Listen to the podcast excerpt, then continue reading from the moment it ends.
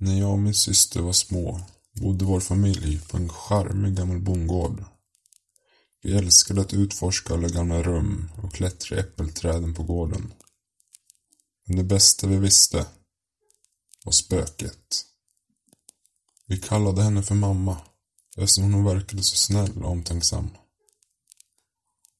En del morgnar kunde jag och min syster vakna upp och på våra nattduksbord stod en mugg som inte stod där när vi gick och la oss. Det var mamma som beställt dem där. Orolig att vi skulle bli törstiga på natten. Hon ville bara ta hand om oss. I huset fanns en hel del gamla möbler som stod här när vi flyttade hit. Och en av dem var en gammal antik trästol som hade ståendes med ryggen mot väggen i vardagsrummet.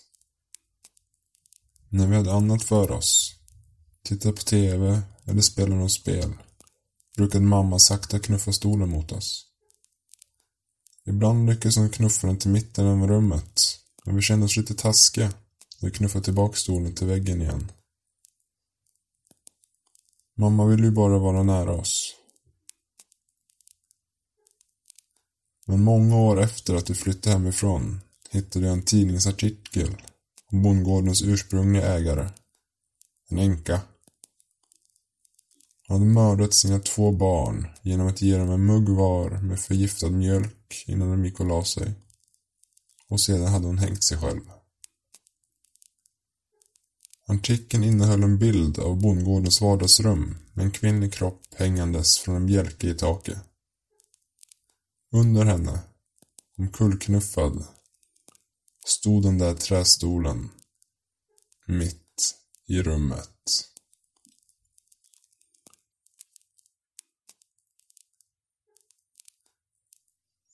En flicka sitter och tittar på TV. Det är sent på kvällen. Hennes föräldrar är bortresta och hon är ensam hemma med hennes hund.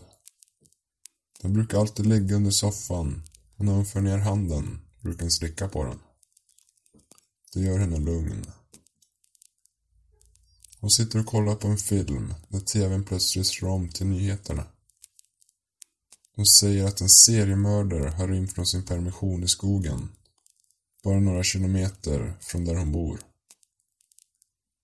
De uppmanar alla att låsa sina dörrar och fönster samt att vara uppmärksamma på om de ser någon som beter sig underligt. Flickan blir rädd och springer till ytterdörren, vrider om låset och säkerställer sig att dörren är låst genom att dra ner handtaget och trycka till den. Hon springer sen tillbaka till soffan och lägger sig ner och kollar på filmen. Men med jämna mellanrum får hon kalla kårar och måste springa till dörren för att försäkra sig om att den verkligen är låst. Och varje gång hon kommer tillbaka till soffan låter hon handen glida ner och hon känner hundens tunga slicka på den. Och hon blir lite lugnare igen. När filmen är slut känner hon att hon behöver gå på toaletten och reser sig upp. När hon kommit ut i hallen börjar hon ändå höra ett svagt ljud.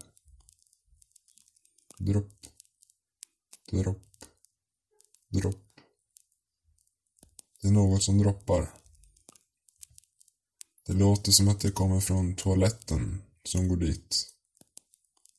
Dörren är stängd, men hon ser i dörrspringan att det lyser där inne. Hon känner även en svagt söt doft med toner av metall. Hon undrar om det har blivit stopp i något avlopp och en kran som droppar. Hon öppnar till sist dörren och blir alldeles livrädd när hon ser det som hänger där inne. Hennes hund hänger i duschen och alldeles indränkt i blod. Sitt eget blod som droppar ner på golvet. Och på badrumsspegeln står det med röda bokstäver. Människor kan också slicka. När jag var liten flyttade min familj till ett gammalt tvåvåningshus i utkanten av stan. Huset var fyllt med tomma rum och knakande golvbrädor. Vi hade inte hunnit packa upp alla våra saker än och många av rummen stod fortfarande tomma på möbler. Vi hade antagligen inte hunnit kolla in i alla rum än vid det här laget. En sen eftermiddag när jag kom hem från skolan var det fortfarande mörkt inomhus. Jag ropade på mamma och hörde henne ropa Ja! På samma sätt som hon brukar göra. Det lät som hon var på övervåningen. Jag gick upp för den knakande trappan och ropade på henne igen för att se vilket rum hon var i. Hon svarade igen med ett Ja. Jag hittade inte riktigt i labyrinten av rum, men jag tyckte hennes röst kom från ett av rummen längst bort i korridoren. Jag kände mig illa till mods. Jag tänkte att det var naturligt och sprang ner för korridoren för att träffa min mamma, som brukar få mig på ett bättre humör. Längst ner i korridoren fanns ett rum på vardera sida vid i kortändan fanns en trappuppgång till vinden som svängde av till vänster. Precis när jag kommit fram till dörren och lagt handen på handtaget hör jag hur ytterdörren öppnas och min mamma ropade Är du hemma? Med sin vanliga glada röst. Jag hoppade förskräckt bakåt från dörren och började springa mot trappan. När jag kommit en bit hörde jag gnisslande ljud och när jag kom fram till trappan kollade jag tillbaka och såg att dörren stod öppen på glänt. Och i trappuppgången till vinden kunde jag skymta något som jag inte kan säga vad det var. Men det stirrade tillbaka på mig. Jag berättade det här för mamma, men hon sa att jag hade så livlig fantasi. När jag gick in i rummet så var det tomt, förutom ett rengnakt skelett av en råtta. Och på vinden var det så mycket spindelnät så ingen kan ha gått där på flera år. Hon sa att det antagligen bara var en vildkatt som flyttat in när huset stod tomt. Men jag är säker på att det var någonting annat.